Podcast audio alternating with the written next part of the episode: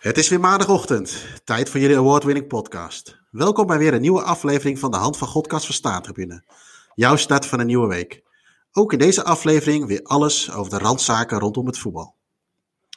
In aflevering 18 hebben we natuurlijk weer onze vaste items, als de vergeten speler, de Maradona quizvraag waarbij je het Staantribune verrassingspakket kan winnen en praten we natuurlijk weer bij met Jelle Damen, de Nederlandse voetballer in Tsjechische dienst. En uiteraard hebben we ook weer vragen binnengekregen en die zullen we ook weer zo goed mogelijk proberen te gaan beantwoorden.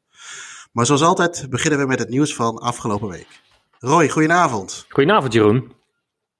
Zittend in een prachtig shirt. Heb je dat gedaan omdat... Uh, nee, laat, nee, laat ik het jezelf even uit, laten uitleggen. Wat voor shirt heb je aan? Ik heb het, uh, het shirt aan uh, van Sampdoria, die ook op de nieuwe cover komt van, van Staantribune. En dit is mijn eerste shirt die ik ooit kocht. Uh, daarvoor nog wel eens wat shirtjes gekregen. Op vakantieadresjes kreeg je natuurlijk wel eens zo'n uh, aftans uh, replica shirtje.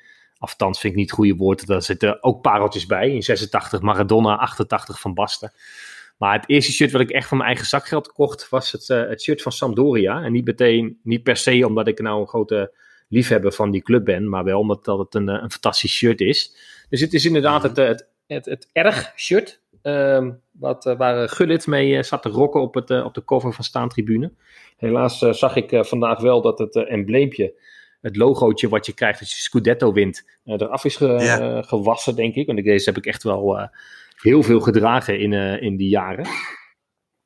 Gezondheid. Het is een beetje puberteit, denk ik. De 13 denk ik dat ik was toen ik dit shirt kocht. Dus als ik dan ging trainen, deed ik er vaak aan. Ik uh, ja. speelde natuurlijk ook lange tijd bij de club uh, GVVV in Veenendaal, uh, die, die in het blauw spelen. Dus voor mij was het altijd een, een mooi trainingsshirt om, om aan te hebben. En ik had hem nog. Dus nou ja, toen de, de cover bekend was, dacht ik, ha, die ga ik weer opzoeken. en vandaag hij past nog een klein beetje. Ik moet me heel erg. Nou, ik wou dit vragen. Past hij nog of heb je hem op de groei toen gekocht? Het is goed uh... dat je alleen de bovenkant ziet. Uh... Trouwens, over uh, missende onderdelen op shirtjes. ik heb een keer een tip gekregen van ook een vaste luisteraar van ons, Joost.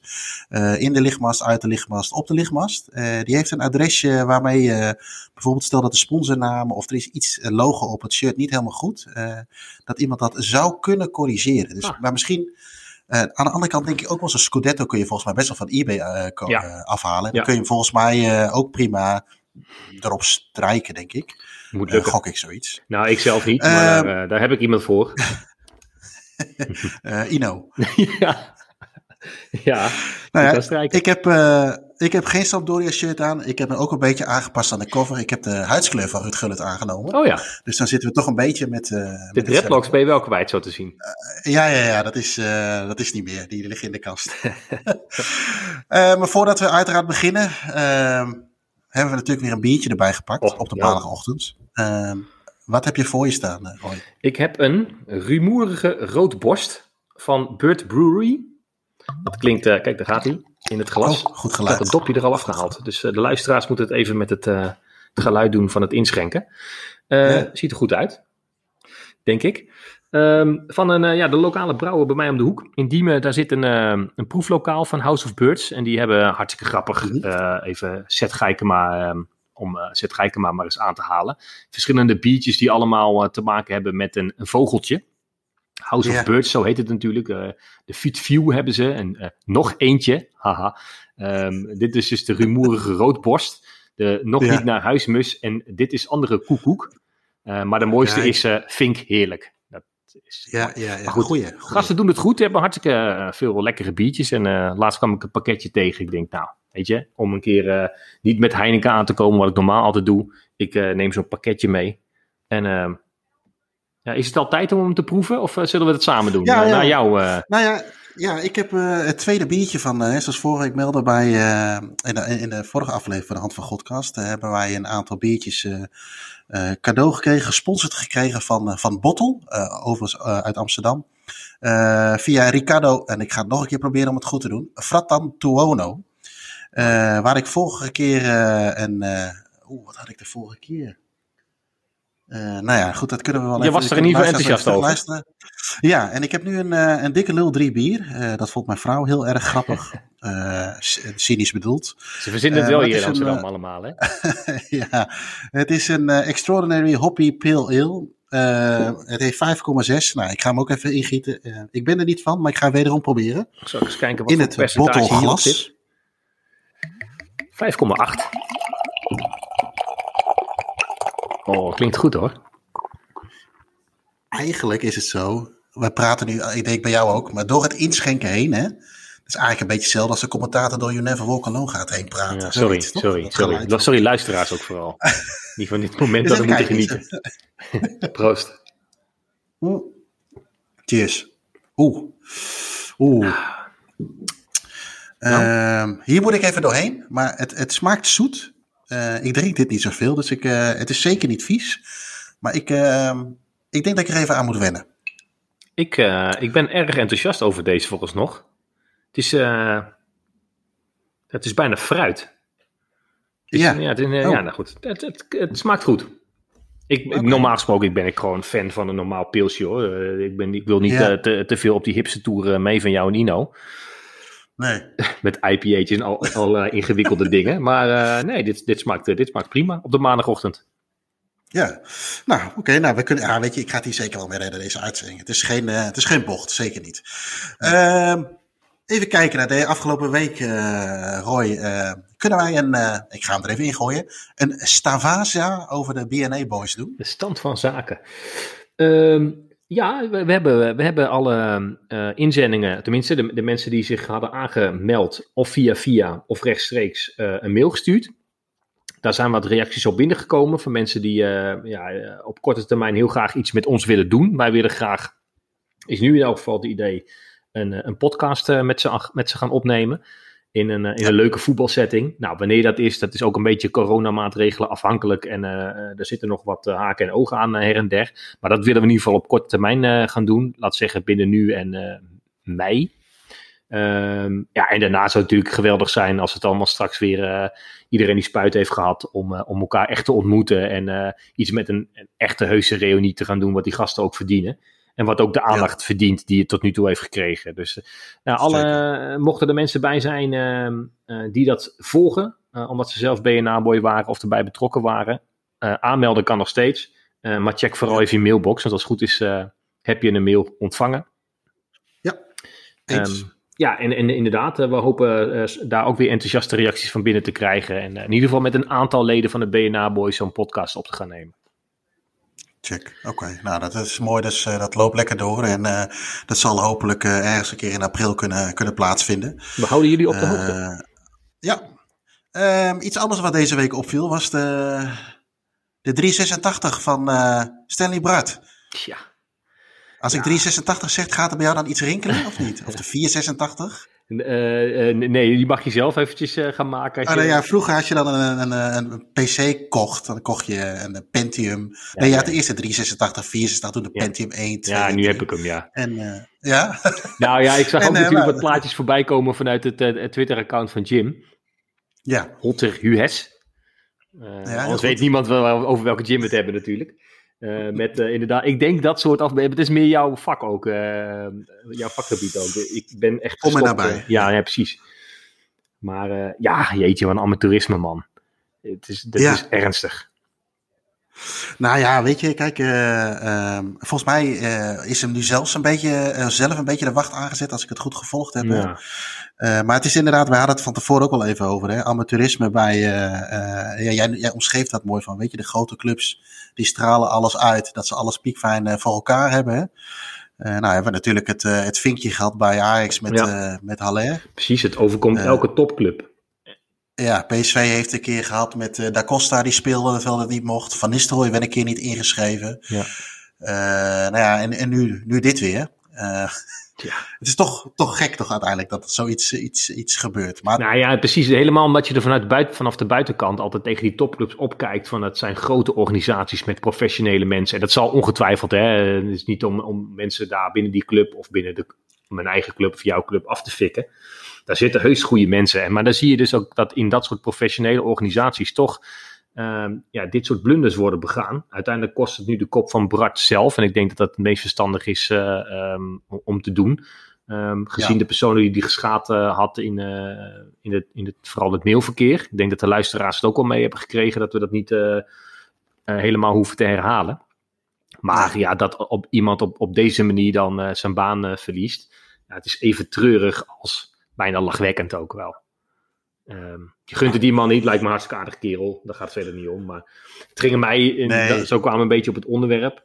meer omdat ehm, ehm, ja, dat soort fouten dus overal worden gemaakt. we hebben natuurlijk de afgelopen week de verkiezingen gehad. Je ziet ook bij politieke partijen wat er allemaal mis kan gaan. Ja, er staat daar de, de, het is het de kroonprins van het kabinet. Uh, die staat daar met een, uh, een doorgeboord uh, paspoortje zijn stem uit te brengen. Ja, er dan net de verkeerde, er staat er een camera bij. Dan denk ik, oh man, hoe is het mogelijk? Echt. Ja, terwijl die dinsdag eigenlijk ons weer moet gaan vertellen wat we straks weer wel en, vooral misschien niet mogen. Nou, ik vind het grappig ook wel dat daar allerlei spindoktoren langs zitten om zo'n campagne helemaal goed in te vullen. En dan, uh, ja, daar waar zo'n spindokter dan blijkbaar geen invloed op heeft, dat gaat mis. Ja, dat vind ik mooi. Ja, ja, ja, ja. maar goed. Ja, nee, inderdaad. Uh, het, het, komt uh, gelukkig overal voor. Dat, dat maakt het ook wel weer een beetje menselijk, zeg maar, dan dat alles allemaal automatisch gaat. Laat het vooral zo blijven. Heerlijk. Ja, uh, we hebben ook weer een hoop uh, jarigen gehad deze week. Ja. Uh, laten we er even een paar uitpikken die we even kort kunnen doornemen. Nou, de bondscoach is vandaag jarig. Ja. vandaag, eigenlijk gisteren, zondag. Ronald Koeman. nou ja, toch wel een, een groot iemand vanuit onze generatie, denk ik. Ronaldinho. Nog ook geen kleine jongen, overigens. Ik vind dat wel, en daar wil ik heel even bij stilstaan als je het heel erg vindt. de, de misschien wel meest aantrekkelijke publieksvoetballer. Ik weet niet of je het daarmee eens bent. Maar bij hem had ik echt het, het artiest-idee. Van deze man speelt echt om het publiek te vermaken. En dat vind ik geweldig. Die zie je natuurlijk niet zo heel erg veel meer de laatste tijd. Zijn er toch spelers die altijd in dienst van een elftal spelen. Heel gedisciplineerd en bla bla bla. Maar een voetballer die echt speelt voor de mooie acties. Voor de mooie bewegingen. De mooie doelpunten. En daar ook van geniet. Dat zag je natuurlijk ook altijd in, zijn, in zijn gezicht. Ja, dat vind ik wel mooi. Uh, dus, ja. Of, ik weet en niet alleen genieten, maar ook nou ja, ik wil, ik, dat vroeg ik me eigenlijk, uh, toen jij dat vertelde, dat zat ik me net, af te vragen. Uh, dat durf ik eigenlijk niet te zeggen, maar het was Paraguay geloof ik. Mhm. Hè? Uh, maar wat hij ook had, is natuurlijk, hij had altijd die glimlach op zijn gezicht. misschien nu nog steeds wel in de bak, maar dat weet ik niet, als hij er nog zou zitten. Maar hij was ook beslissend, hè? Met, ook, ook met mooie doelpunten, ja, mooie acties. Hè? Absoluut. natuurlijk een leuke uh, voetballer zijn, maar dat je uh, ook nog beslissend zijn voor je club en voor je, voor je land is natuurlijk helemaal uh, fantastisch. Zeker. Dus die, ja, ik weet eigenlijk niet of hij een taart heeft gekregen met de vel erin of dat hij het lekker thuis heeft gevierd. Ik staat me iets van mij dat hij onder toezicht ja, naar huis volgens mij ook, ja. Dat was de laatste update een maandje of 1, 2 geleden, denk ik, ja. Ja. Zoek op. Ehm, ver voor onze tijd, maar ik kom er bij Go Ahead nog wel eens tegen. Dick Snijder, ook wel Knakkie genoemd. Ehm, dat zijn wel de bijnamen. Ja, uh, hij heeft het laatst verteld waarom dat was. Uh, ik ga me er nu even niet aan wagen, want dan, dan vertel ik waarschijnlijk een verhaal wat niet klopt. Maar het heeft in ieder geval met zijn jeugd te maken. En nou gespeeld bij Go Ahead, gespeeld bij Feyenoord. hij gaf zelf ook wel aan, vooral in Rotterdam, echt groot geworden. En de, en de man die hij is, ook qua, qua doen en laten. Hij, hij neemt zeker geen blad voor zijn mond. Welke tijd hebben we het over, Jeroen? Uh, dat zal uh, jaren 70 zijn, denk ik. Gok ik zo. Okay. Uh, beetje. moet ik eigenlijk eventjes even checken. maar ik denk, ik denk een beetje rond die tijd. Ja. dus ja, ver voor, voor onze tijd. Geboren op, in 1948. Dus ja, Go Ahead, midden jaren 60. Heeft dan ook, en daarna Feyenoord, weer Go Ahead, Vitesse. En uiteindelijk afgesloten in 84 pas. Dus 19 jaar later bij SC Wageningen. Kijk aan. Zou ik hem dus moeten dus, kennen? Uh, zou inderdaad moeten. Ja, net hè. Misschien op de elftalfoto's nog. Maar ja, precies. Geboren nou, getogen in Deventer. Nee, toen was ik twee. Dus nee, dat, uh, dat kan bijna niet. Maar inderdaad, Wageningen was natuurlijk de club waar ik uh, mijn eerste profwedstrijd heb gezien. Maar dat zal na de tijd van Knakkie geweest zijn. Ja, en ik weet ook niet of die, nog, of die dat ook nog vol actief was als daarvoor. andere jarige, Rekoba. Ja, de Chinees. Ja. Ja, ja, ja, moet je wel aanspreken. ja, ja, ja, dat op een dag als uh, eigenlijk vandaag, gisteren. Ja, de dag van de afhaal afhaaldag. Uh, ja. ja. Ja, dus, uh, Heb je daar nog van mee gevegeteerd met de afhaal Chinees? Nee, nee, nee, nee. Wij eten al zes dagen in de week Chinees. Dus op zondag is het altijd even wat anders. Lekker. Dus uh, ja, Mooi dus, uh, nee, nee, maar uh, goed dat dat een, een, een, landelijk iets gaat worden. Of een, dat moet een nationale feestdag worden. Eigenlijk wel, hè? Maar Recoba, ja. Goh, ik, ik moest wel even weer even graven. Ja, ik, ja, ik vind het ook natuurlijk heel van andere orde dan, dan Ronaldinho. Maar van, van Recoba herinner ik me altijd nog wel een speler die lange staat van dienst heeft eh, bij Inter. Niet altijd even Mhm. succesvol, maar wel echt zo'n speler dat als hij speelde en hij was op zijn best en hij scoorde, dan was het altijd een mooie goal. Ik moet dan een beetje denken, eh, even met het, het Ajax-sausje eroverheen, eh, Richard Witsche, die dat ook een beetje heeft gehad. Waarvan je altijd wel kon zien van volgens mij zit er meer in, maar ja, het was ook altijd wel mooi om ehm, eh, ja, een beetje toch een mythisch figuur te blijven. En, en als hij dan een keer scoorde, dat dit, echt mensen in, in vervoering bracht. Eh, Ja. Mooie gouden linkerpoot. Ja, je kan echt eh, prachtige filmpjes van Ricoba eh, opzoeken met zijn mooiste doelpunten. Ja, dat is om, alles om je vingers bij af te likken. Hij heeft ja, ook natuurlijk in, in Uru- Uruguay gevoetbald. Uruguay, Uruguay, Uruguay, hoe Ja. het ook wil noemen. Maar hij heeft natuurlijk ook een hele periode, en ik zit snel even te rekenen, gauw ja, dik tien jaar in Italië gevoetbald. En het schiet me namelijk iets te binnen. Voornamelijk bij Inter. Ja, bij Inter. Ja. Maar hij, is ook een, hij, heeft ook eh, hij heeft ook nog bij Torino gespeeld een seizoen. En hij is even verhuurd geweest bij Venetië. Venetia, zo moet ik het eigenlijk zeggen, of na Venetia. Eh, waarom weet ik dit? Ik heb heel toevallig eh, gisteren een shirt op de kop getikt. Oeh. Uit 1999 Ja? van eh Venetia. Eh, Oh, wauw.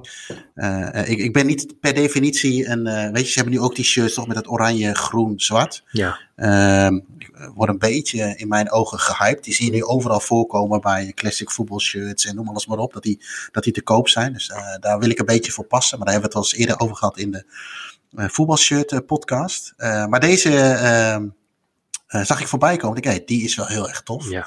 Ging ik een beetje zoeken. En toen zat er nummer 15 achterop. En eh, daar heeft eh, onze grote vriend mee gespeeld. En zo werd ik even getriggerd door, eh, doordat jij nu eh Ja, de mooi. erop gezet weer komen. Mooi. Dus Goeie mooi ook, haakje. Recoba. Ja, heerlijk. Toch? Als je Heerlijk, daar even ja. weer naar zoekt. En je ziet ook die, inderdaad die doelpunten die ik van de week even heb bekeken. Ja, dat is echt zo'n lekkere Zuid-Amerikaanse kop. Zo hoor je eruit te zien in Uruguay of Argentinië. Ja, Je half lang haar. en, eh, eentje die je niet in de donkersteegje tegen wil komen als je niet beter weet wie het is. nee, nee, een beetje zo'n Cavani, Suarez, dat Ja, soort jongens. precies, ja, je in precies. de stokstegen tegen Straatvechtertje. allemaal eh, lekker ja, door laten lopen. Ehm, bij de buren, en dan heb ik het over de buren van Uruguay, waren er ook nog wat mensen jarig. Dan hebben we het over eh, Argentinië. Ja. Bilardo, onder andere eh, bondscoach in 1986, maar ook speler bij het grote Estudiantes uit eh, eind jaren 60, begin jaren 70. Ja, de meest Eh, succesvolle periode van Estudiantes. Ja, En zeker. inderdaad, degene die als trainer het WK niet alleen won, maar ook daarvoor al een hele belangrijke keuze maakte. Om Maradona natuurlijk aanvoerder te maken van dat elftal. Ja, ja niet Ten koste van Passarella. Ja, en er was een beetje een wisseling van de wacht, eh, volgens mij. Ja. was natuurlijk een grote, grote jongen. Eh, en daarnaast een teamgenoot van hem, Veron, niet eh Juan Sebastian, maar zijn vader. Juan Ramon. Ja, om maar eventjes creatief te zijn. Mhm. Die was ook jarig, ook wel de heks genoemd. Ja. Ik gok vanwege zijn neus. Neus en eh, zijn tovenarij volgens mij ook op het veld. Ja, ja, nee, klopt. Tovenarij inderdaad. Eh wij, hebben hem, eh, wij hebben hem gezien afgelopen, nee, ik wil nu afgelopen januari zeggen, maar dat is al niet eens meer. Het is januari 2020. eh, toen wij naar Estudiantes gingen en eigenlijk met onze neus in de boter vielen. Waarvan we dachten dat we door de harde kern waren uitgenodigd. eh, was het eh, een, eh, ja, iemand die heel goed is met de club en met de supporters. En die dag kwam Marcos Rojo bij, werd bij de club gepresenteerd. En daar werd ook dat elftal van Veron, Bilardo, maar ook Pacha mee, de man die het brilletje van Van Dalen kapot Ja. uitgenodigd. En toen hebben we al die gasten ontmoet en later ook nog een keer op het, zijn we ook nog uitgenodigd op hun trainingscomplex. Eh, daar waren al die jongens ook, ook on- waaronder zijn zoon, want die is nu eh voorzitter bij Estudiantes. Eh, ah, dat, weet je, dat zijn wel namen, ja, het gaat een beetje wat wij het uit de geschiedenisboeken moeten halen.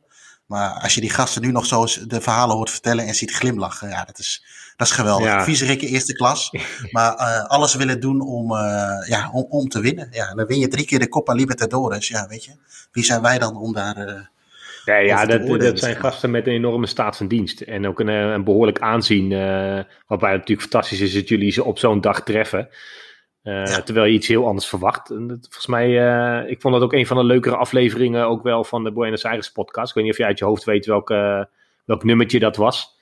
Dat mensen dat nog even terug kunnen luisteren. Nee, ik gok 19, maar dat is nergens op gebaseerd. Nou, ik ja, denk dat het eerder was, ja. maar uh, ja. Ik denk dat velen het wel gehoord hebben, maar de, dat, is, dat is inderdaad een jaloersmakend verhaal uh, bijna. Maar ook inderdaad wat jullie daarna hebben meegemaakt in die skybox met Rocco. En ja. volgens mij Joris nog even de vrijheid nam om even boven de harde kern te gaan staan.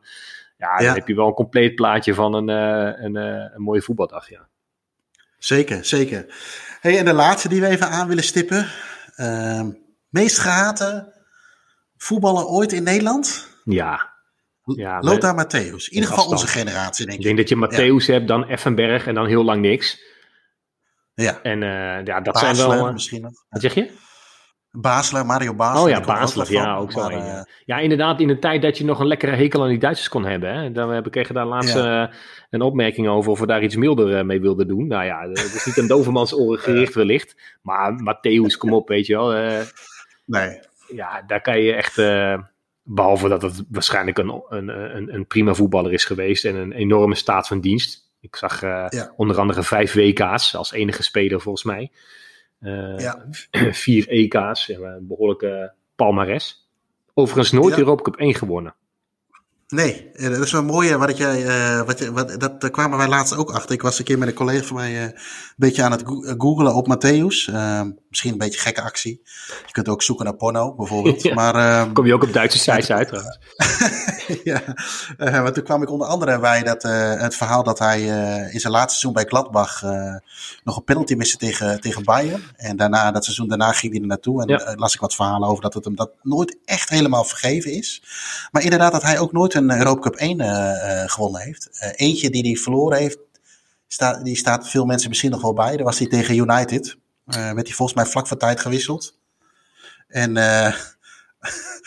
en ja, toen weten we allemaal hoe dat, hoe dat gelopen is natuurlijk. Dat United nog even twee intikte in, in blessuretijd. Lekker voor hem. En toch wel bijzonder. En ja, inderdaad, lekker voor hem. En, um, uh, maar uh, toch, inderdaad, als je dat allemaal even loslaat, één grote klerenlijn, maar hij wist wel wat winnen was. En, en ja. uh, als je, denk ik, dat ook loslaat en alle andere mensen over hem hoort praten, is het een, is het een vrij complete voetballer geweest. Ja. En ja, ik vond nog een verhaaltje over hem, om even een linkje te zoeken met Maradona, is dat hij, dat hij nog voetbalde bij, bij München, in, in, voordat hij naar Inter ging. dat was in 90 volgens mij.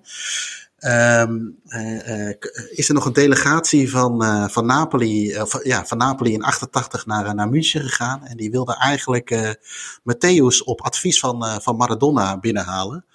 En nou ja, hij vertelt daar eigenlijk ook wel in het verhaal, dat heeft hij een keer in de 442 verteld. Een Engels voetbalblad. Overigens, mocht je een keer in Engeland zijn en je zoekt wat leesvoer, koop een keer een 442. Hartstikke leuk.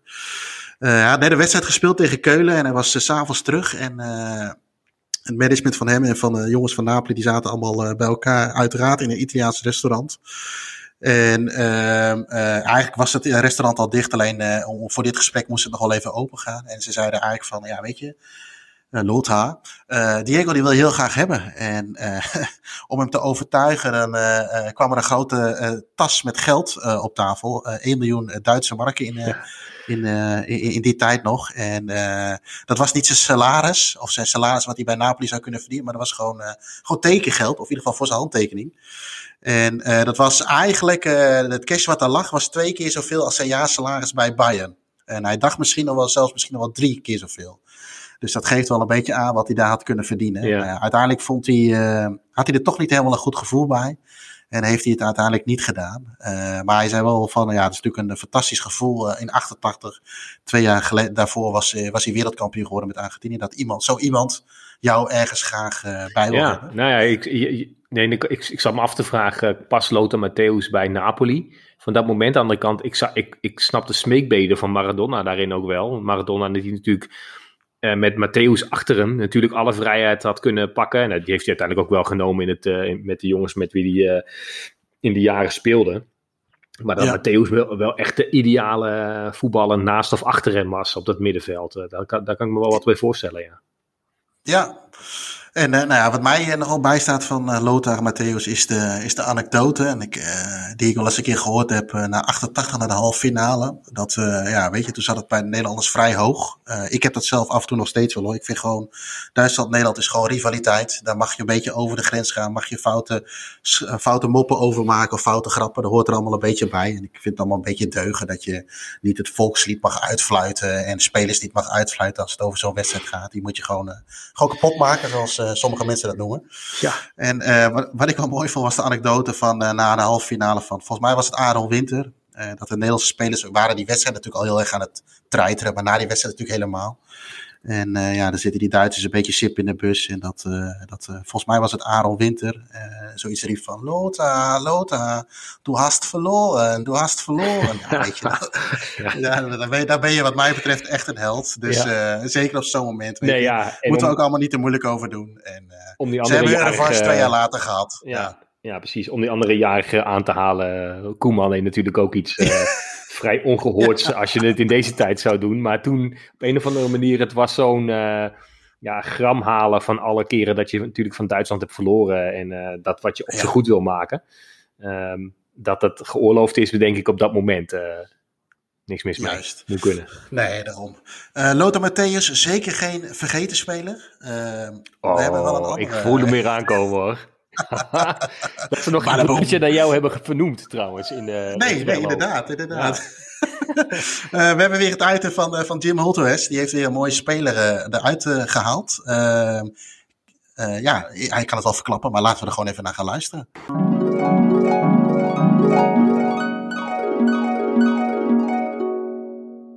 Voor de vergeten voetballer van deze week blijven een beetje in de Britse sferen. Ik had vorige week natuurlijk uh, Kevin Maddock, de uitspits van Willem II. Uh, de week daarvoor had ik Mike Small uitspelen van Go Ahead Eagles. En ik zat nu met uh, een voornaam in mijn hoofd van een speler, ik dacht van FC Utrecht, Alex, een Alex. Dus ik ging nadenken en ik ging een beetje zoeken. Toen dacht ik, nee, het is helemaal geen speler van Utrecht geweest. Dit is een speler uit het voetbalstripblad Boing. Dus ik ging het eens even nazoeken. En dat uh, stripblad, dat was in de jaren 80, misschien op begin jaren 90, maar dat kreeg je elke maand. En uh, er waren allemaal Britse strips, natuurlijk vertaald in het Nederlands. Met ja, mooie tekeningen met die stadions ook.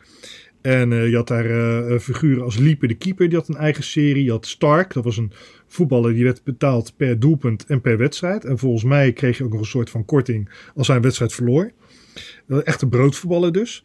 Maar je had ook een, een, een elftal dat heette United. En dat was echt een, ja, een elftal vol met, en daar heb je het woord weer, culthelden. Niet het, het feit elftal van 1992, 1993 noemen ze ook het stripfiguren elftal. Nou, dit was een echt stripfiguren elftal.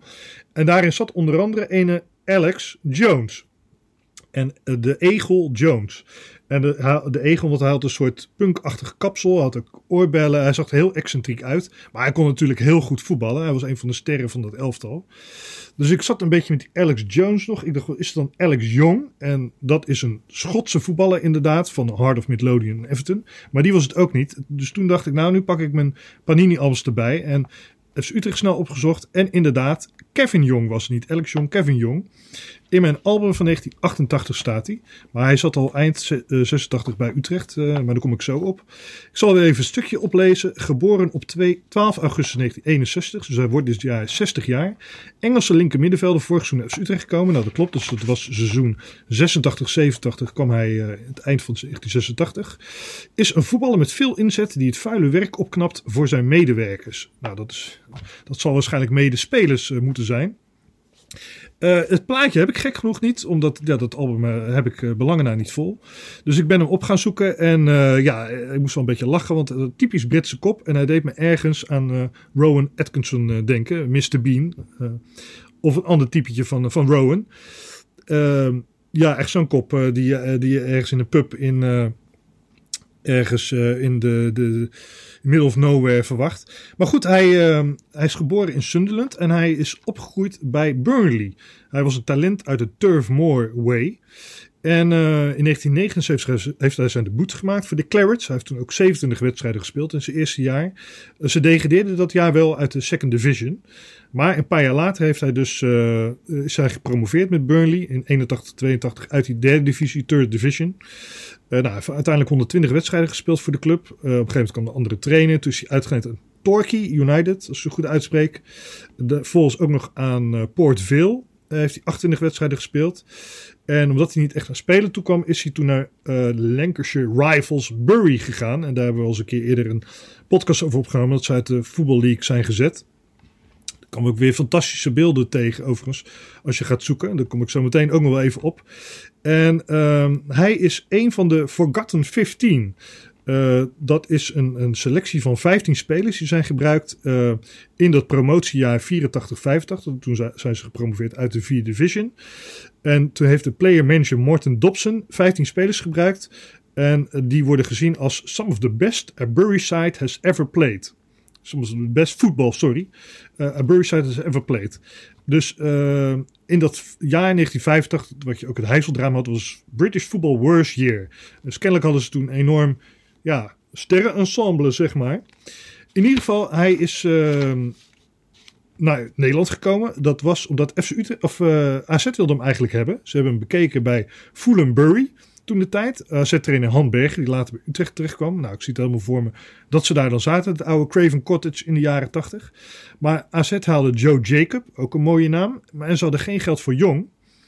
En Utrecht heeft hem ook bekeken tijdens Bury Port Vale in de persoon van Nol de Ruiter, later assistent van uh, Rinus Michels in 88. En de uh, voorzitter Theo Albers, iconische voorzitter volgens mij ook van Utrecht.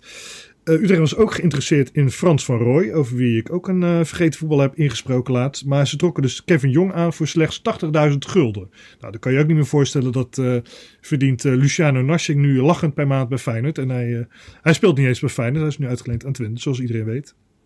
Maar goed, hij heeft vier seizoenen in Nederland gespeeld. Die Kevin Jong onder leiding van Han Berger dan inmiddels.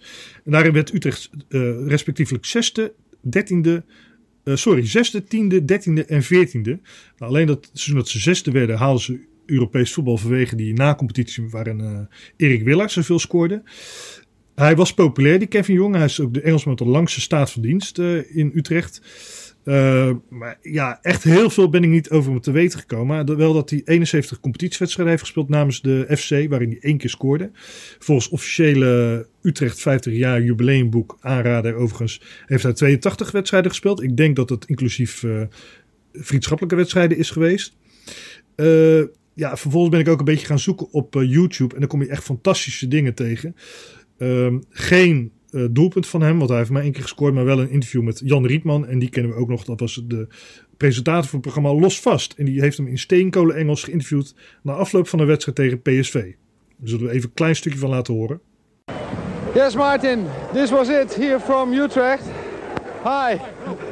Almost a 1-0 against PSV. Yeah, yeah we, uh, we we played well today, and uh, yeah, they're going. They're the best team in the in the division here, and. Uh, yeah, we played really well. Yeah, what about uh, Jan Willem Vermeijden? I think he uh, had a very good match. Yeah, well, he's done that all season for us, and uh, we we counted on him today, and he pulled off two great saves and uh, kept us in the game. Yeah, you see that uh, you have a special preparation. Uh, you need a special preparation to play against PSV. Yeah, you must be 100% all the way through the game, and I think that we proved that today, and we took no risks, and we played well, and we we deserved the point. Nou, die Kevin Jong, die is uh, ook betrokken geweest bij één uh, ja, heel apart incident. Hij heeft namelijk een, uh, hij beging in de wedstrijd tegen Pek Zwolle een harde overtreding op Peter van der Waard. Daarbij brak hij zelf zijn been, maar hij op de brancard kreeg een rode kaart van scheidsrechter Jan Dolstra. Toen werd Han Bergen zo kwaad dat hij uh, op het veld opkwam. Toen moest hij nog gekalmeerd worden door assistent Willem van Hanegem. Hij heeft zijn spelers van het veld gedirigeerd en uh, hij zei we spelen niet verder. Nou, uiteindelijk hebben ze na een kwartier het spel weer afvat na een afkoelingsperiode. Uh, Bergen is uiteindelijk bestraft met een schorsing van vier wedstrijden. En Jong kreeg vijf duels en een geldboete van 300 gulden. En um, hij heeft overigens drie rode kaarten in 2,5 jaar tijd, zijn eerste 2,5 jaar bij Utrecht gepakt. De laatste keer kreeg hij een schorsing van acht duels, waarvan drie voorwaardelijk. Nou, in uh, 90 heeft hij zijn contract laten ontbinden om persoonlijke reden. Ik weet niet precies wat. Hij is teruggekeerd naar Engeland om non-league voetbal te spelen bij Merton. En hij is cipier geworden in de gevangenis. Ja, dat is ook wel opvallend. Net als die Kevin Jong die we vorige week hadden, die werd, uh, ja, waarschijnlijk is hij gewoon elektricien uh, geworden. En die, uh, ja, die, Kevin Jong is een geworden. Maar wat ik eigenlijk iedereen wil aanraden. Pak eens een speler van een bepaalde club. Hoeft niet je eigen club te zijn. Tik die naam eens in en ga zoeken. Want je, ik uh, vertrouw me, je bent een paar uur voor zoet. Je komt op allerlei onbekende websites terecht. Je komt allerlei andere verhalen tegen. Ja, daar kan ik me uren mee vermaken. Je ziet dan Utrecht met die Nissan shirts. Je ziet het oude Galgenwaard. Je ziet andere oude stadions. Dus ja, je komt niet altijd een heel spectaculair verhaal tegen, maar je kan je weer helemaal uh, zwelgen in jeugdsentiment, in nostalgie. Dat wilde ik even meegeven aan de luisteraar voor deze week.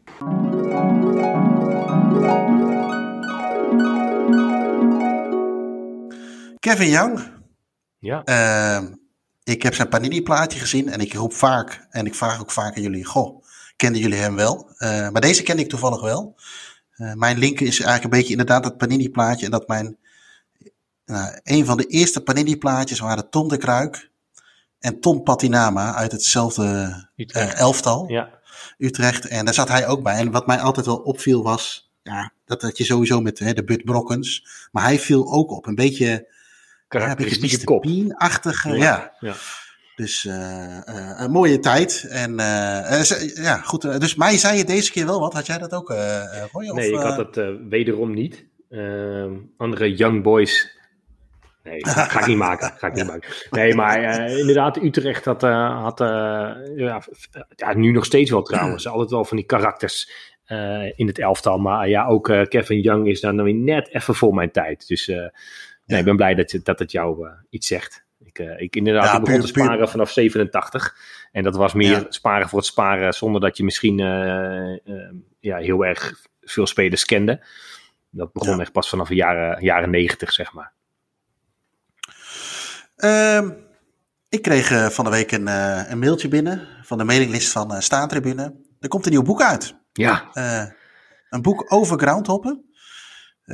Van, die wordt uitgegeven door Staantribune, maar geschreven door, door Hans Douw. Ja. door velen de, ja, hoe zullen we het zeggen, de, de, de oppergroundhopper van, van Nederland genoemd. Papa van Nederland. Ja. ja. Of, of iets dergelijks, of baron, of wat is het, noem het maar. ja, een hele hoop gezien. in het verleden een keer de eer gehad om voorstaantribune een, een, een podcast eerder op te nemen over groundhoppen, ook met Joris er overigens bij. maar ook een artikel, ook nog met, met Melinda Thomas daarbij, over, ja, weet je, wat, kunnen we een top 25 van groundhoppen samenstellen. En ik kende Hans toen eerlijk gezegd nog niet. Hij mij waarschijnlijk ook niet, dus dat scheelt. Maar ik nam een petje af voor hetgeen wat hij allemaal al gezien heeft. En, het is ook niet iemand die nou, niveau, heel erg met een uh, mee, te, mee te koop loopt of, of uh, zich heel erg uh, op, op sociale media begeeft om daarover. daarom is het juist mooi denk ik om voor zo iemand nu een boek te lezen. En inderdaad ook eerder in de podcast te hebben. Volgens mij was hij ook op die Groundhop dag in Deventer. Ja, twee, twee, jaar terug inmiddels al. Ehm, ja, dan, dan hang je wel aan, aan de lippen van zo iemand. Eh, die ook maar een beetje daar zo zat van, nou ja, uh, voor mij is dit gewoon mijn leven. En uh, ja, ik werk, ik heb me suf gewerkt en ik werk me nog steeds te pletteren. En in de vrije uren die ik heb, ja, ga ik de hele wereld rond, van Rusland tot naar eigenlijk alle uithoeken. Ja, ja dat, zijn, dat zijn toffe verhalen en, en het ervaringen die... Mooie was, ja, zeker. En het mooie was na, die, uh, na zijn uh, uh, verhaal, zei hij ook wel. Hij zei van tevoren ook, ik kan mijn verhaal doen. Maar ik moet wel weer een beetje op tijd weg. Want ik had s'avonds wilde, ging hij een wedstrijd kijken in Lille. Ja, klopt. Volgens mij een bekerduel of iets dergelijks. Ja, dus, ja dat klopt. Ja. Nou ja, goed. Ook in het stukje wat Staantribune erover geschreven heeft, is ook, hè, wij bezochten al, al die jaren wel duizenden duels. En in 90 landen op vijf continenten. nou, uiteraard nooit zonder gevaar. Hij werd ooit, is gearresteerd door het Russische leger. Uh, ja, trok ook door de, de favelas en de townships uh, heen. En uh, zal af en toe ook zeker in het midden gestaan hebben van, van supportersgeweld. Ja, het mooie is, ehm, weet je, ik ben een beetje een mooi, mooi weer, sowieso een mooi weergroundhopper, maar ook wel een beetje, nou, ik wil de mooie dingen zien. Ja. en ik, ik zit niet zo snel in de, bij, de, bij, de, bij, bij de amateurs in Nederland, maar ja, hij pakt, pakt alles van de eredivisie tot de zesde klasse, tot internationaal. Hij heeft de WK-finale van Nederland bijvoorbeeld gezien. nou ja, noem alles maar op. En uh, zijn boek heet, we hebben het nog niet genoemd, maar uh, Voetballiefde zonder grenzen. En uh, ja, dan neemt hij eigenlijk neemt hij ons mee met al zijn avonturen. Een boek om naar uit te kijken. Ehm, ja, hij is in de pre-order. Uh, staantribune.nl kun, je hem, kun je hem bestellen. Wanneer komt hij uit? is dat bekend? Ja, ik doe het even uit mijn 16 of 19 april. Mooi. een vrijdag. In ieder geval één. Dus ik weet niet of de 16 een vrijdag is, maar dat zal dat het zijn. Uh, we nemen overigens nog uh, een, ook nog een aparte podcast met hem op over dit boek. Uh, die zal als het goed is 1 april online komen. Als, dat doe ik ook al even uit mijn hoofd. Maar er komt nog een aparte podcast die over. Dus, Leuk. Ehm, hoe leg jij, leg jij je avonturen vast, Roy? Ja, niet. Ja, iets gedaan hebt. Niet, ja, ik, ik, ja, ik ben niet echt een een schrijver of zo. Kijk, avonturen, dan bedoel je waarschijnlijk als het om groundhoppen uh, gaat. Nou ja, of met Ajax een uitwedstrijd of zo. Hè, ja, nee, precies. Ja, ik probeer zoveel mogelijk wel uh, vast te leggen. Uh, en, en nou, daar worden dan fotomapjes van gemaakt en heel af en toe kijk je dat terug. Maar je beleeft het toch vooral met de mensen die, er, die erbij zijn geweest. Ik weet niet of mijn verhalen nou zoveel toevoegen in het uh, in. Elke wedstrijd maak je wel iets bijzonders mee. Of je, naar welk niveau je ook gaat. Uh, of het met je eigen club is of een neutrale uh, groundhop trip. Of je gaat uh, ja, gluurburen bij de amateurvereniging om de hoek. Je maakt altijd wel bijzondere dingen mee.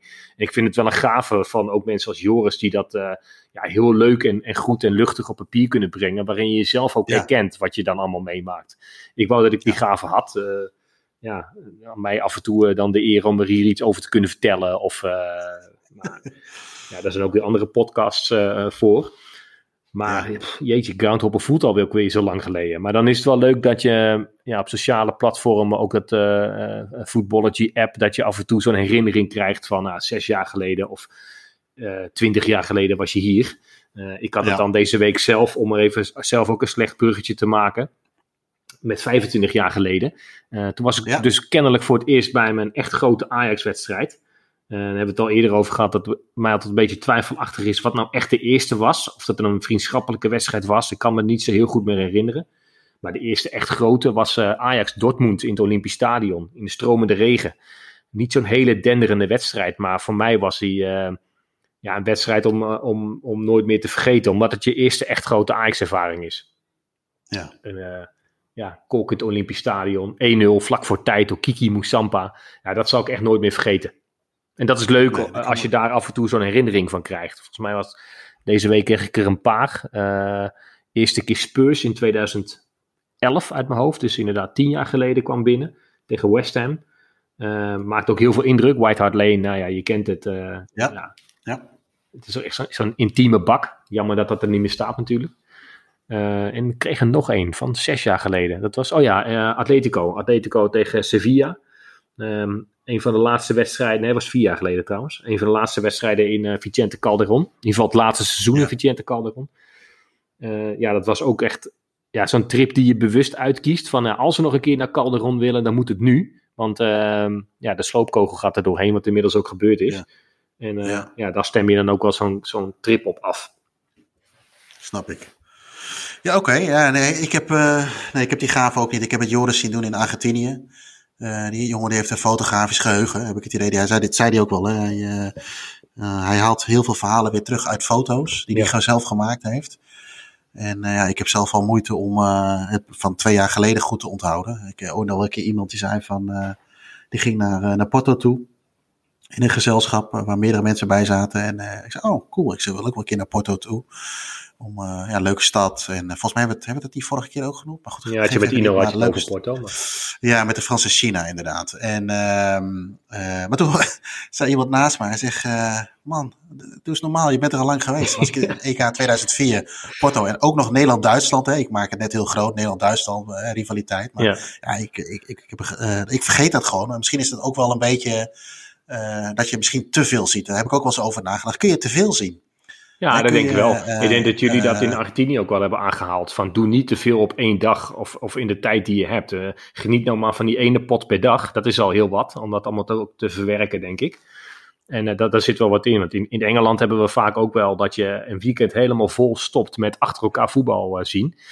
Dat is ja. leuk, hè? je hebt wat af te vinken en je maakt dingen mee. Maar je bent ook tegelijkertijd zo aan het haasten. En het is juist ook lekker om um, uren voor een wedstrijd al ergens in de buurt te zijn en uh, nog even een pub mee te pakken of met de stroom supporters mee richting het stadion te lopen. En uh, ja. ja. nu kwam je wel eens met de taxi vijf minuten van tevoren aan of misschien vijf minuten na de wedstrijd of uh, na het begin van de wedstrijd. En dan, dan mis je al die, die hele voorpret, zeg maar. Nou ja, en het is, ook, uh, uh, het is ook een beetje het verwerken ervan. Hè? Dat ja. je, uh, iets meemaakt, je ziet iets of je hebt een, leuke, eh, leuke avontuur en dat je dat even kunt laten bezinken en dat je meteen weer doorgaat. Het is vaak de herinnering aan, ik noemde net bijvoorbeeld eh, Ajax eh, Dortmund in de stromende regen. En dan blijft stromende regen even hangen. en Denk, of welke wedstrijd heb ik nog meer gezien dat het zo hard regende? Nou, ik kan me bijvoorbeeld Ja. nog herinneren dat ik, eh, en die zou ik normaal gesproken nooit eh, eh, heel snel kunnen herinneren. Eh, maar Palermo ben ik ooit geweest, Palermo eh AS Roma. Ook echt in de stromende regen 3-3 werd het en al de doelpunten vielen doordat de bal in de plas bleef hangen. Dat was echt, het, het sloeg helemaal nergens op dat die wedstrijd überhaupt gespeeld werd. Maar het scheen Ja. dat het ook te maken had met de rellen die er anders zouden ontstaan buiten het stadion en zo. Dus ten koste van alles moesten doorgaan. Maar dan, eh, dan denk ik, oh ja, dat was, oh ja, daar ben ik ook nog geweest. En precies wat jij ook al eh, aangaf, als eh, het onderwerp stromende regen niet zou vallen, dan, dan zou ik bijna vergeten dat ik daar nog geweest ben, ja. Ja, oké. Ehm, wat we niet vergeten is het eh, antwoord op de quizvraag van Maradona. Eh, vorige week hadden we een, eh, de vraag wat de, de, het jeugdteam waar Maradona voor gespeeld heeft bij Argentinos Juniors werd Los Cebollitas genoemd. Vrij vertaald of direct vertaald betekent dat de uien. Eh, de vraag was waarom was dit? Ehm, nou, we hebben weer wat aantal goede antwoorden gehad. Ehm, overigens valt over dit antwoord te discussiëren. Eh, er zijn namelijk twee eh, varianten die eh, hierop mogelijk zijn. Eén is, en dat zat eh, onder andere in het boek van In de beginnen was de bal. Eh, ja, boek. dat zeg ik goed, hè? Ja, Ja, ehm, daar wordt gezegd van eh, eh, dat ze de kleine uien worden genoemd, omdat ze, ehm, ja, eh, de mensen die ernaar keken zo ontroerd waren door eh, hoe ze voetbalden, hoe goed ze waren. Eh, het andere is dat eh, de ontdekker eh, eh, van, of de, de, de leider van het team, ehm, ja, het waren allemaal kleine, kleine mannetjes. En eh, vanwege de lengte werden ze Los Cebollitas genoemd. Eh, de dus- uitjes dus eigenlijk. Het- ja. de uitjes, inderdaad. Nou, nou, linksom, rechtsom. Eh, we hebben een winnaar die een van die twee antwoorden heeft gegeven. Dat is Rolf Smeets uit Herten. Ehm, gefeliciteerd. Jij krijgt zo snel mogelijk het staantribune verrassingspakket naar jou toegestuurd. Ehm, en we hebben uiteraard voor deze week ook weer een nieuwe vraag. Sai mi batte il corazon. Oh,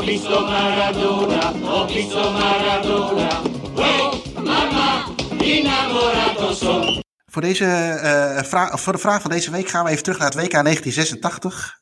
Engeland-Argentinië. Een, eh, een wereldberoemde wedstrijd met twee wereldberoemde goals. Eh bondscoach van Engeland eh, op dat moment was eh, Bobby Robson, oftewel Sir Bobby Robson.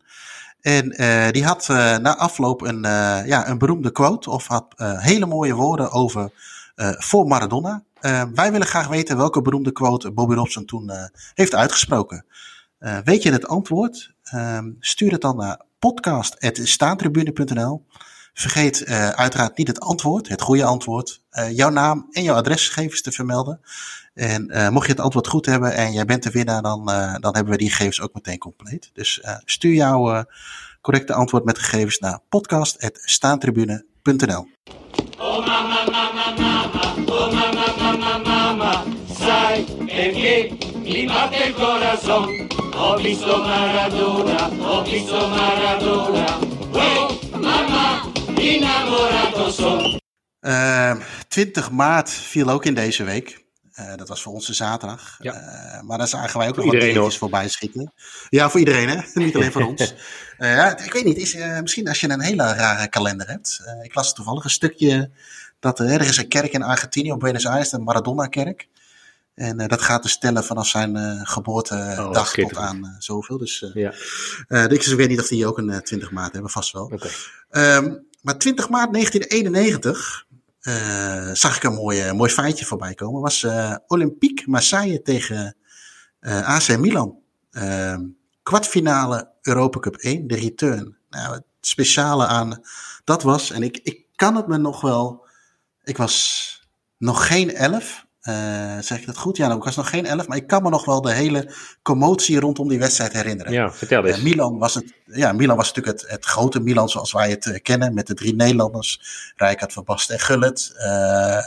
Twee keer daarvoor de Europa Cup, Europa Cup 1 gewonnen. En nou ja, het was, weet je, ik had de posters ook aan, aan, de, aan de muur hangen van die drie. Je had natuurlijk bij Barcelona had je nog Koeman en je had bij Gladbach had je Erik Willaerts rondlopen, geloof ik. Dat waren eigenlijk de, de, vijf grote, grote Nederlanders in, het, in het buitenland. En er sla ik er vast een paar over hoor.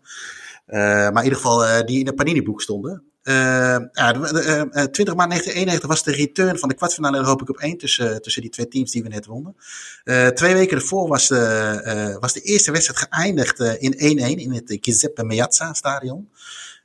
goal onder andere van Ruud Gullit, maar ook Jean-Pierre Papin. die later weer bij Milan zou voetballen. misschien wel als opvolger van Van Basten. Ja.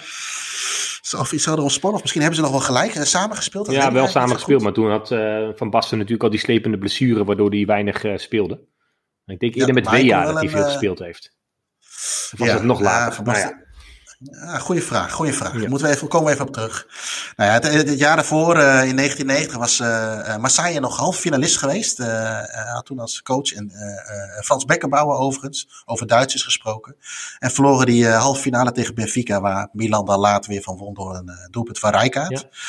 Ja. Uh, nou, het mooie is, we zijn een beetje gaan induiken, is van, nou, weet je, je hebt nu die Champions League, je hebt uh, 54 voorrondes, uh, 28 poolfasen en groepswedstrijden en noem alles maar op. En, maar toen was het gewoon nog een knock-out systeem.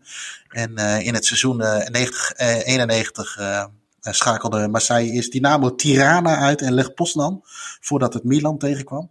Milan was de eerste ronde vrij, omdat ze natuurlijk het jaar daarvoor de Europa Cup 1 wonnen. En loten daarna Club Brugge. Ehm, ja, dat was ook wel een, eh, een, een, dingetje, weet ik nog wel uit de verhalen uit de VI. Uh, eh, is de, ja, uh, Van Basten die pakte daar een rode kaart in die wedstrijd tegen Brugge. Na een elleboogstoot gegeven tegen Pascal Plovy. En die verloor daar een, een aantal tanden en een jukbeen. Oh nee, ze verloor niet zijn jukbeen, maar hij brak zijn jukbeen. En uh, daarom was uh, San Marco geschorst tegen de Fransen. Uh, zowel in het heen duel als, het, als de return. Nou ja, die return, uh, of in, in, in, in, in hetzelfde jaar werd Beckenbauer vervangen door uh, Raymond Goedhans.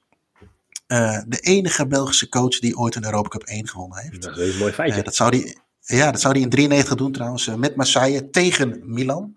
Uh, dus dat was wel grappig. En, en, Milan had op dat moment in die kwartfinale waar we het eigenlijk nu over hebben. Uh, spelers als Maldini, Ancelotti, nou, Baresi, Tassotti, nou, Rijkaard Gullit. Uh, en bij Marseille had je, nou, ik noemde net al Papin, maar ook Chris Waddle, uh, Abedi Pele, Moser, Boli. En op de bank een hele goede. Ja, naast Dragan Stojkovic en ja, iemand die later Ice-T zou promoten. uh, Erik Cantona. Vorige keer konden we daar niet opkomen wat het ook weer was. Nee, maar nee, nee, nee. ja. Ik denk, ik ga, ik ga hem nu even noemen. Ja, heel goed. Uh, dus, ja, die zat, die zat op de bank. En uh, ja, in het, spelen natuurlijk in een fantastisch shirt met de Panasonic erop van Adidas. Uh, ja, goed, die wedstrijd, die, uh, die, die, die return, die, die doet zijn ding. Ploegen zijn gelijk aan, elkaar. En in de 50 minuten scoort Chris Woddel de 1-0. En ja, vlak voor het einde van de wedstrijd valt ineens de helft van de, van de stadionlichten uit. Nou, ik kan me dat moment, wat ik net al zei, nog wel herinneren. En de scheidsrechter van toen, Bo Carlson, zweet, die, die moest de wedstrijd stilleggen. omdat er te weinig licht was. En, het, en, ja, wilde eigenlijk na een kwartier wilde die wil beginnen. En uh, alleen uh, Galliani van Milan, ik denk dat hij een beetje een soort, ja, hij is niet de voorzitter, dat was natuurlijk Berlusconi, maar een soort, ja, ja, wat zal hij geweest zijn? Een algemeen directeur, directeur ja. ja, klopt ja. Ja, die, die tikte het om zijn, zijn elftal terug te laten keren. Hij, hij beweerde dat het het werk was geweest van tv-ploegen die namens de Franse club handelden. Om, om er maar voor te zorgen dat, dat ze er baat bij zouden hebben de verhalen die daarna eh, de, de ronde deden, was natuurlijk dat hij eigenlijk een replay wilde forceren. Ja, precies. Maar dat was zijn baat. Uh, ja, uh, niet gebeurd. Uh, de UEFA heeft Milan een jaar geschorst. En Marseille een 3-0 overwinning toegewezen gekregen, waardoor ze door konden gaan. Milan dus geen kans meer, en dat is wel bijzonder. geen kans meer op die triple. 89-90 gewonnen, om dan toch nog, nog eentje erbij te doen. Hebben weinig ploegen kunnen voltooien, een triple. Ik moet denken aan Ajax, Bij München. Uh, München. Ja. Madrid misschien maar, helemaal in het begin, of zou daar nog wat tussen gezeten jaren, hebben? Jaren 60. Ja, ja. Uh, en daarna denk ik... Ja, Madrid nee, heeft er heel veel onlangs, maar er waren er geen drie op rij volgens mij. Er waren er volgens mij drie en vier jaar. Er zat één jaar ja. tussen met... Atletico misschien? Nee, Barcelona denk ik. Ah, dat, ja, inderdaad, dat klopt. Barcelona, ja. Nou ja, goed, uh, Marseille ging door in, dat, uh, in dat toernooi naar de halve finale tegen Spartak Moskou. Uh, en wonnen die uiteindelijk. En die verloren helaas de finale, in, de, in, dit geval helaas voor Marseille, naar penalties van een rode ster. Ja. Um, maar het was wel een schande, schande van Milan. Hè? Het grote Milan. Iedereen ja, keek enorm tegen Milan op. Dat ze, tegen, ja. dat ze zich zo lieten kennen. In ieder geval die algemeen directeur dan. Die, die werd overigens voor twee jaar geschorst hè, van allerlei uh, plichtplegingen. En die mocht zijn gezicht nergens meer laten zien voor twee jaar. De club kon na één jaar weer terug. Maar ja, de, dat het grote Milan zich zo liet kennen was wel... Uh, ja, betekent ook wel een beetje het einde van, uh, van sommige spelers in, dat, in die periode, ja. Ze kwamen natuurlijk heel sterk weer terug daarna. Ja, en twee jaar later staan ze weer, uh, stonden ze alweer in de finale tegen Marseille, wat we net zeiden. Ja. Uh, dat was toen al wel de Champions League. Die was toen al, de eerste keer volgens mij. Ja, klopt. En, maar was, zat, is Marseille ook de eerste winnaar van de nieuwe Champions League? Nou ja, nieuw is hij ja, al lang niet meer. Nee, het zat uh, Milan bij, ehm, bij PSV in de pool. Zeg ik dat goed? Nee, nee, nee. nee. Ja, Barcelona had je eerst nog, in 92. Maar daar was, was dat nog de Europa Cup 1? Ja, was volgens mij dan waren zij de laatste Europa Cup ja. 1. En was Marseille ja. het jaar erop uh, ja. de eerste Champions League. En uh, nou goed, die wonnen hem. Maar goed, er kwam daarna niet zo daarna weer dat omkoopschandaal tegen, of met Valenciennes natuurlijk naar, naar voren. Ja. Uh, opmerkelijk feitje overigens in dat seizoen waar we het over hebben. 90-91 had Nederland geen afgevaardigde in de Europa Cup 1. En Klopt. dat had te maken dat uh, kampioen Ajax die mocht niet meedoen uh, vanwege het uh, welbekende staafincident ja.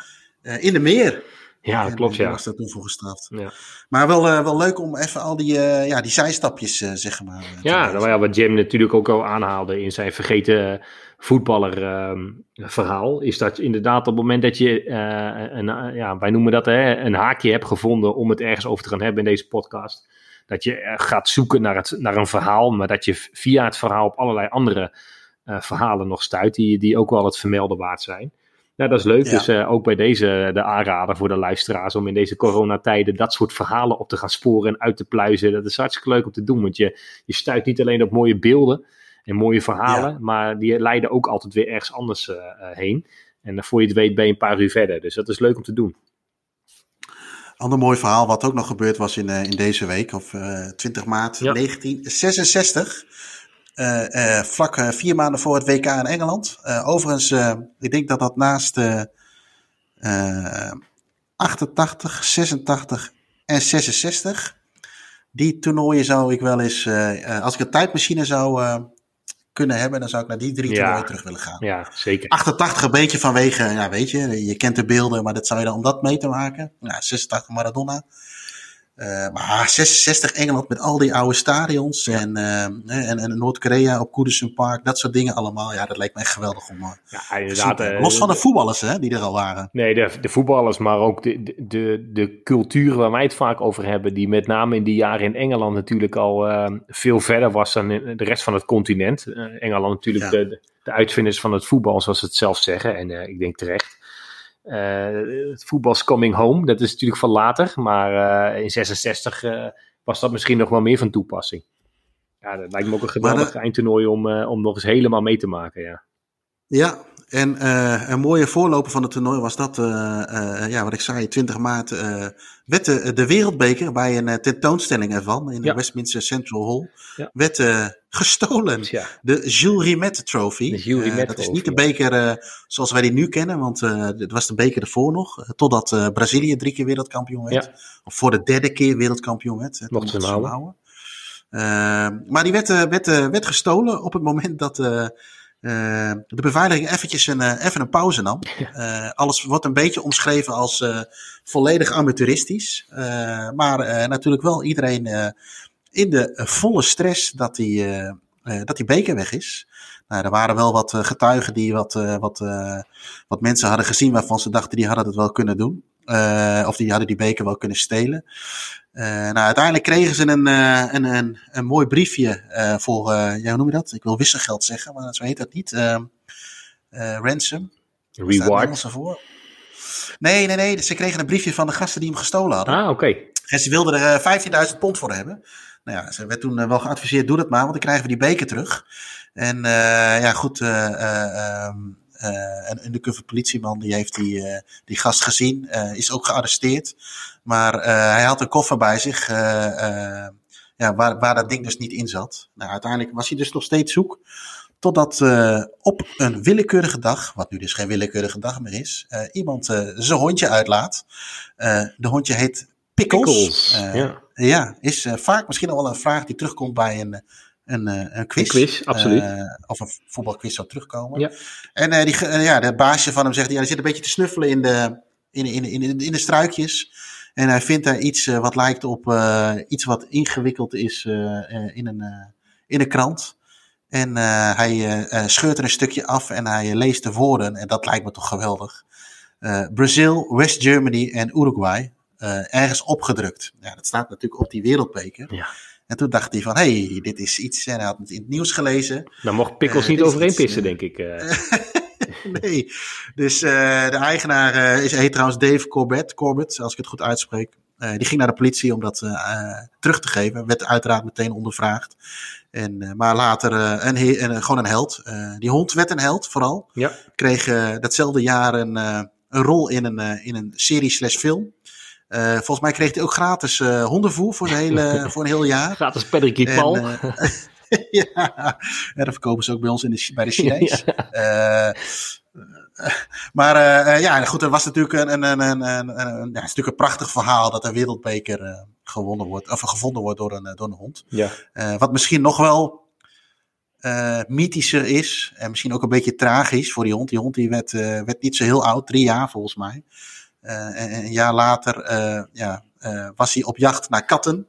Uh, uh, en uiteindelijk heeft hij dat moeten bekopen met de dood. Want ze hebben hem gevonden uh, ergens half in een boom hangend. waar hij waarschijnlijk een kat achterna waar die, waar die kat de boom in ging. Joris is nu juichgebaar aan het maken, denk ik. Dat, dat een dat hond aflegt tegen katten. Ja, en hij had zijn, hij had zijn nek gebroken. En, maar goed, voor wie dit ja, verhaal een keer wat extra waarde wil geven. hij is begraven in Linkfield, het hondje. Er hangt ook ergens een plakkaat waar die. Hè, daar kunnen die Engelsen zo mooi, hè? Zo'n zo, zo plakkaatje neerhangen ja. van historische gebeurtenissen waar hij die, waar die beker gevonden heeft. En nou ja, uiteindelijk was, het dus, was hij er weer terug. En dan las ik daarna nog een stuk dat tijdens die huldiging, want uiteindelijk won Engeland dat, dat WK, dat tijdens die huldiging na afloop, zeg maar die, die, die, die ronde, dat ze deden dat stadion, dat dat ook al een kopie was van de echte beker. Omdat ze bang waren dat hij weer gestolen kon Ja, ja, ja. En bij de foto's zie je ook dat Bobby Moore dat ding vasthoudt. Zie je ook heel vlak in de buurt zie je steeds een uh, politieagent lopen bij die beker.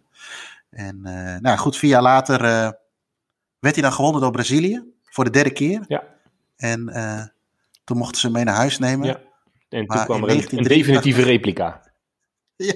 ja. En in 1983 werd hij in het, uh, bij de uh, voetbalbond van Brazilië werd hij gestolen. Ja. En toen is hij eigenlijk echt nooit meer teruggevonden. En men denkt dat hij uiteindelijk omgesmolten is. voor, ja, die, voor het die Beker heeft heel wat meegemaakt door de jaren heen. Ja, ja. ja. Mooi, mooi verhaal. Nou ja, goed. er is nu een, is nu een replica. Hè? En nou ja, dit hele verhaal kun je ook heel goed terugzien in het Nationaal Voetbalmuseum in Engeland in, in Manchester. Mocht je ooit in Manchester zijn, ga er zeker een keer heen. Volgens mij was het altijd gratis entree. Ik weet niet of dat nog steeds zo is. Ja. Maar uh, dat is zeker de moeite, moeite waard. Nee, ik denk dat sindsdien het ook wel ja, ergens logisch is dat dat soort trofeeën, niet alleen de wereldbeker, maar ik weet dat van de Champions League is dat ook het geval. Je hebt eigenlijk bij, bij, bij het winnen, krijg je hem even in handen om uh, in het stadion om hem mee te juichen richting je fans en voor het fotomoment. Maar dezelfde avond gaat hij weer met de, met de UEFA mee terug. En in het geval van de Wereldbeker met de FIFA. En dan wordt hij gewoon veilig in een kluis opgeslagen en dan komt verder niemand bij. En uh, dan krijg je natuurlijk een replica overhandigd die je naar mee mag nemen, waar je alle kunsten mee uit kan halen die je wil. Uh, maar er zijn natuurlijk ook bij de Europa Cup, uh, je haalde het net al aan, degene die hem drie keer op rij wonnen. Ook degene die hem vijf keer wonnen. Volgens mij zijn ze daar inmiddels mee gestopt. hebben, de, hebben een origineel. Dus ik vind het mooi dat Ajax onder andere een van de clubs is die een originele Champions League beker in het museum heeft. Ja. Doordat ze hem drie keer op rij wonnen en de echte dus mochten houden. Ja. Liverpool ook, hè? Nee, dat is, Ja, inderdaad. Die, eh, met, eh, met de vijfde keer. Toen was het nog inderdaad de vijfde keer dat Ja. je mocht houden. Ja. Toen ze hem in Istanbul wonnen. Ehm, wie nog nooit een eh, wereldbeker heeft gewonnen is, is Tsjechië. Ehm, nou, ja, we moeten even een linkje maken naar het volgende item. Nou zeg. We gaan weer even bellen met onze Nederlandse speler in dienst van een Tsjechische club, Jelle Damen.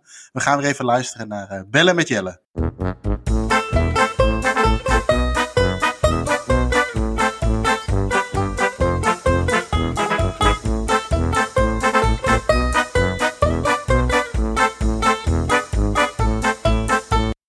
Jeroen, ik eh, kon je niet bereiken, dus ik spreek maar even voicemail in. Doe het maar even op deze manier.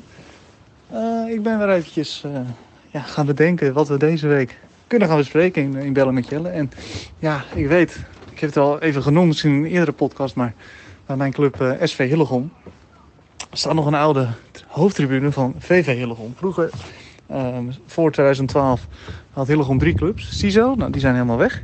Dan had je nog Concordia en Hillegom. En die laatste twee clubs die zijn gefuseerd tot SV Hillegom sinds 2012. Ik speelde dat voor Concordia. Dus dit was eigenlijk ja, de tribune van de, van de grote rivaal. En als hier een derby was, dan, eh, dat weet ik nog wel. In de, in de jaren, dan eh, ja, speelde je zelf in de, in de C of in de B. En dan, eh, dan ging je hier al heel, allemaal heen met, eh, ja, met allemaal jongens, ook oudere jongens en zo. En toen gingen we echt sfeer maken in, in die tijd. Althans, dat vonden wij. Dus dan, en ook zeker toen we hier uit bij Hillegom moesten, weet ik nog heel goed. En toen ja, stonden we in zo'n hoekje op deze tribune te zingen en te springen. En, ja, ik weet niet eens meer wat het geworden is, wat eindstand is geweest. Maar ja, dat, dat maakt ook niet uit. En ik denk ook dat, dat, ja, dat daar ook mijn, mijn liefde voor, eh, voor- het supporten en, eh, en voor het eh, voetbalcultuur eromheen, dat dat eh, daar begonnen is.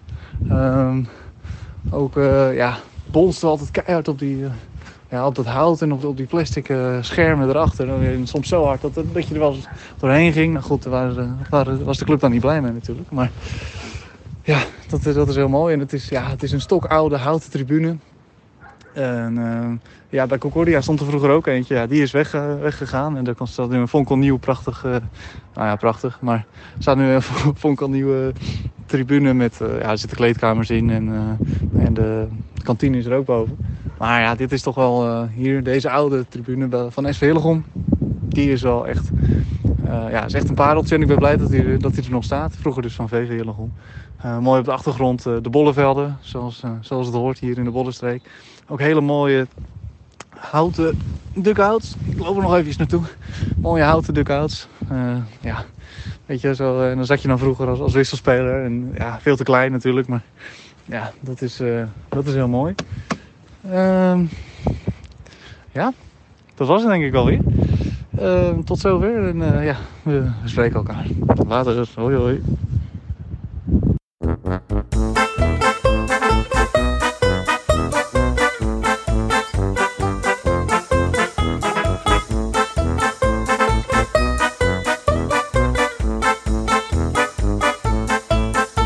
Goed, Jelle die, eh, die kon me dus niet, eh, niet bereiken, dus die eh, sprak maar netjes mijn voicemail in.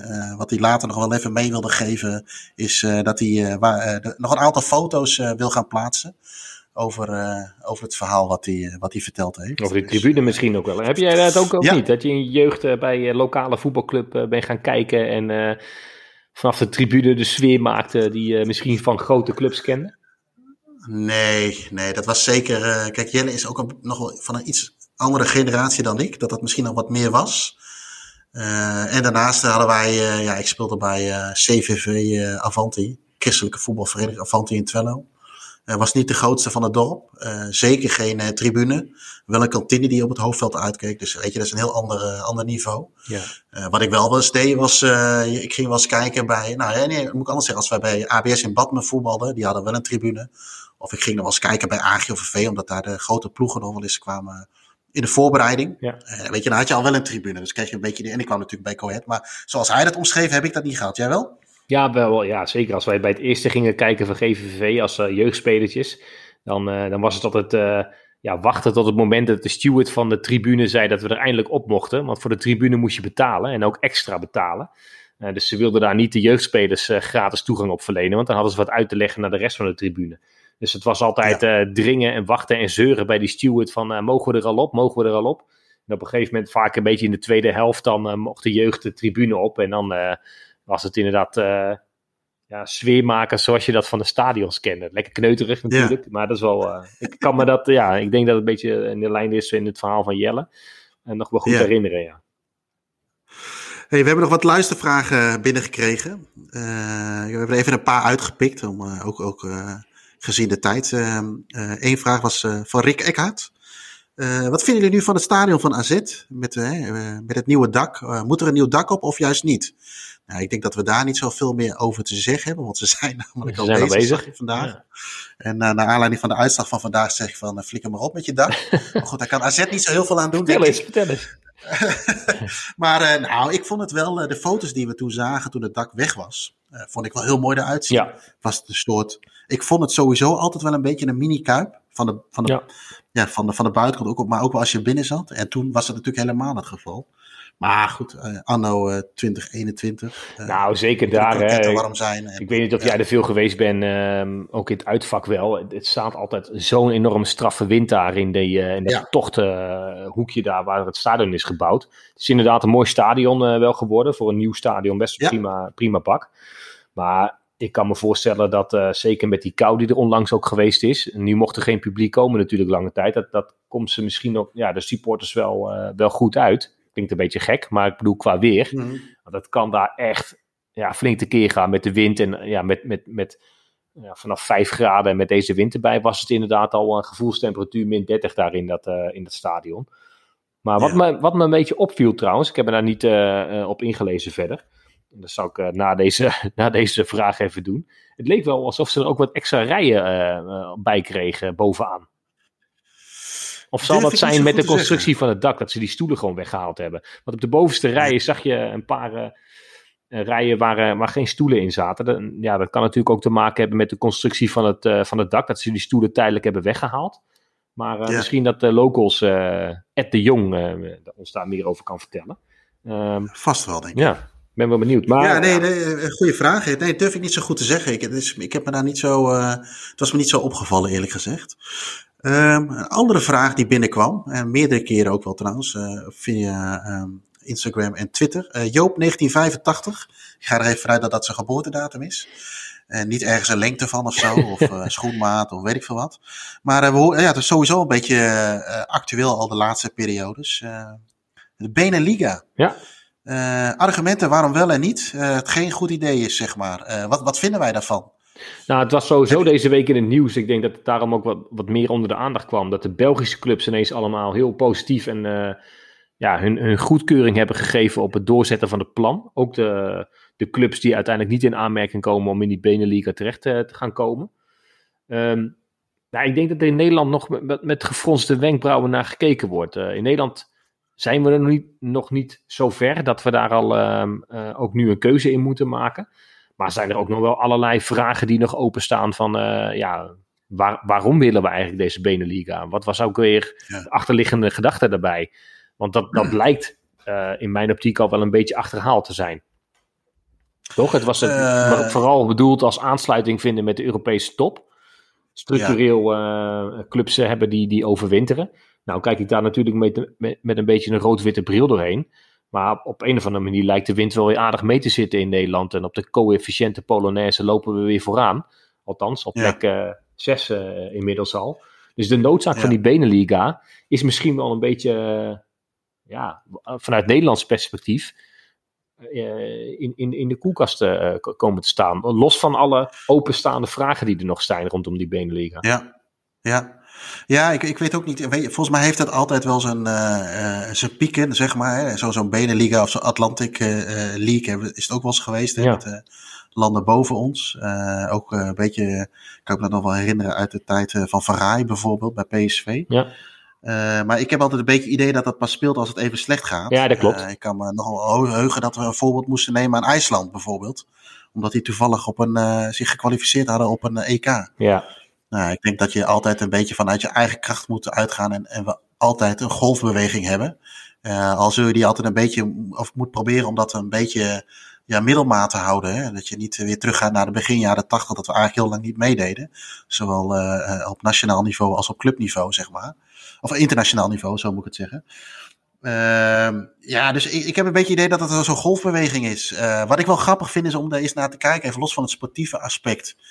Uh, ja, ik heb daar niet echt een hele uitgesproken mening over. Maar wat wel leuk lijkt, is als je daar als supporter naar kijkt. Ja. Uh, ik weet niet zo goed wat de indeling is. Maar ik heb wel eens gehoord dat de indeling een beetje was. Weet je, de, ik noem maar wat de top 8 van België bij de top 8 van Nederland. En de ja. rest van België ook bij de rest van Nederland. Uh, ja, dan krijg je natuurlijk argumenten als. ja, weet je, ik zit toch helemaal niet op RKC tegen. Leuven. Leuven te wachten. Ah, aan de andere kant denk ik, als ik, als, als ik er zelf als supporter naar kijk. Uh, denk ik, nou, weet je, uh, dat zijn best. Het is een keer wat anders. Ik weet niet hoe jij dat hebt bij, uh, bij Ajax. Ja, wel. Kijk, ik PSV ook wel eens van PSV RKC heb ik wel een keer gezien. Precies. En dan is het ook wel weer leuk als je inderdaad naar, naar Genk of naar Standaard Luik om, om op slessen en wedstrijd te kijken. Um, nee, dat, dat, dat, is zeker waar. Je komt op, op, op, op andere plekken. tegelijkertijd zit daar misschien ook wel een beetje de moeite. Want ja, in Nederland hebben we natuurlijk ja, beperkende vervoersmaatregelen en, en noem maar op. Nou, dat zal in België niet anders worden. Of on, anders zijn. De, ik kan me de wedstrijden tegen Belgische clubs herinneren, recentelijk nog, uh, die we hebben gespeeld. Uh, waar altijd ook wel echt gedoe om is, is geweest. Standaard Luik heeft natuurlijk ook een, een, beruchte aanhang. Um, ja. Anderlecht, denk ik. Ja, is, wat dat betreft, qua wet en regelgeving lijkt het me ook een, een, een enorme uitdaging. In Nederland hebben we daar natuurlijk ja.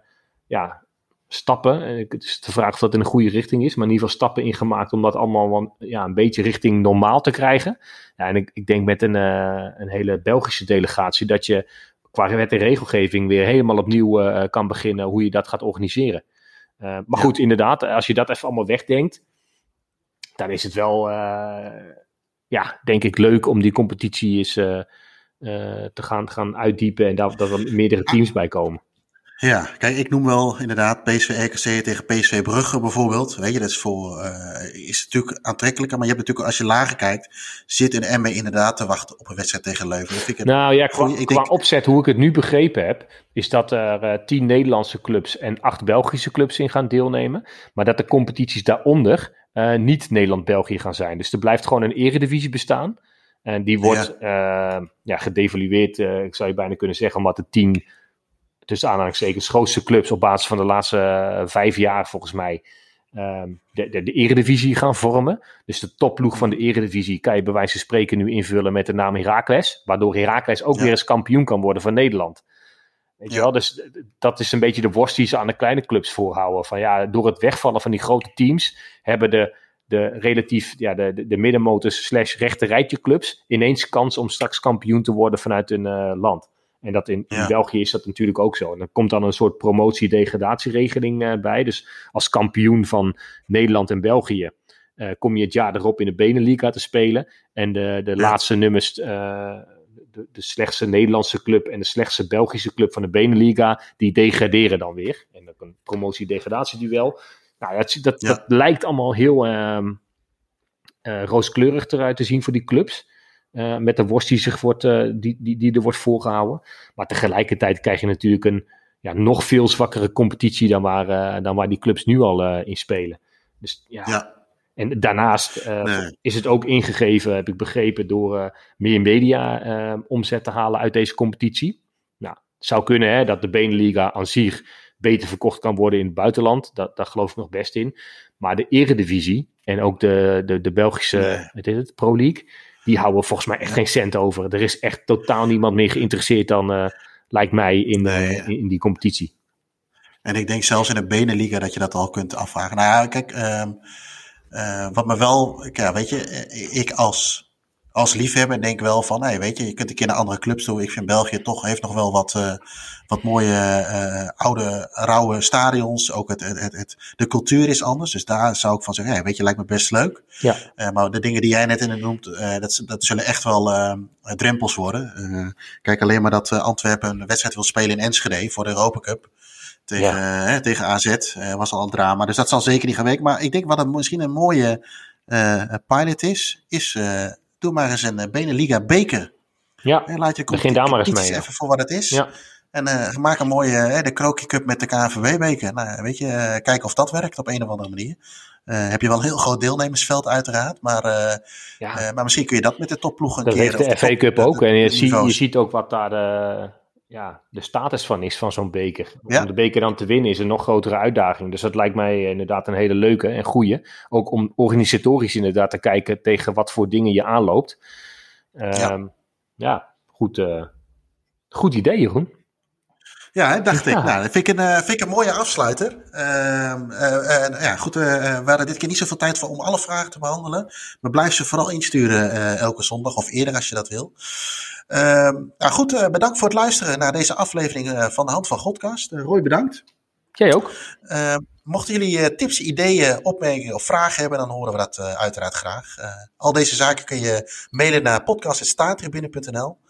Uh, mocht je dit nou een hele toffe podcast vinden, dan zouden we het leuk vinden als je een uh, recensie achterlaat op, uh, op iTunes bij de podcast van Staantribune. Uh, we hebben er overigens de eerste, naar aanleiding van al dit gebedel, hebben we weer binnen, een, een recente. Dus het zou leuk zijn als er nog meer bij komen. Ehm, ja, en voor nu. Dat was hem weer, snuiters. Tot volgende week. Fantastic.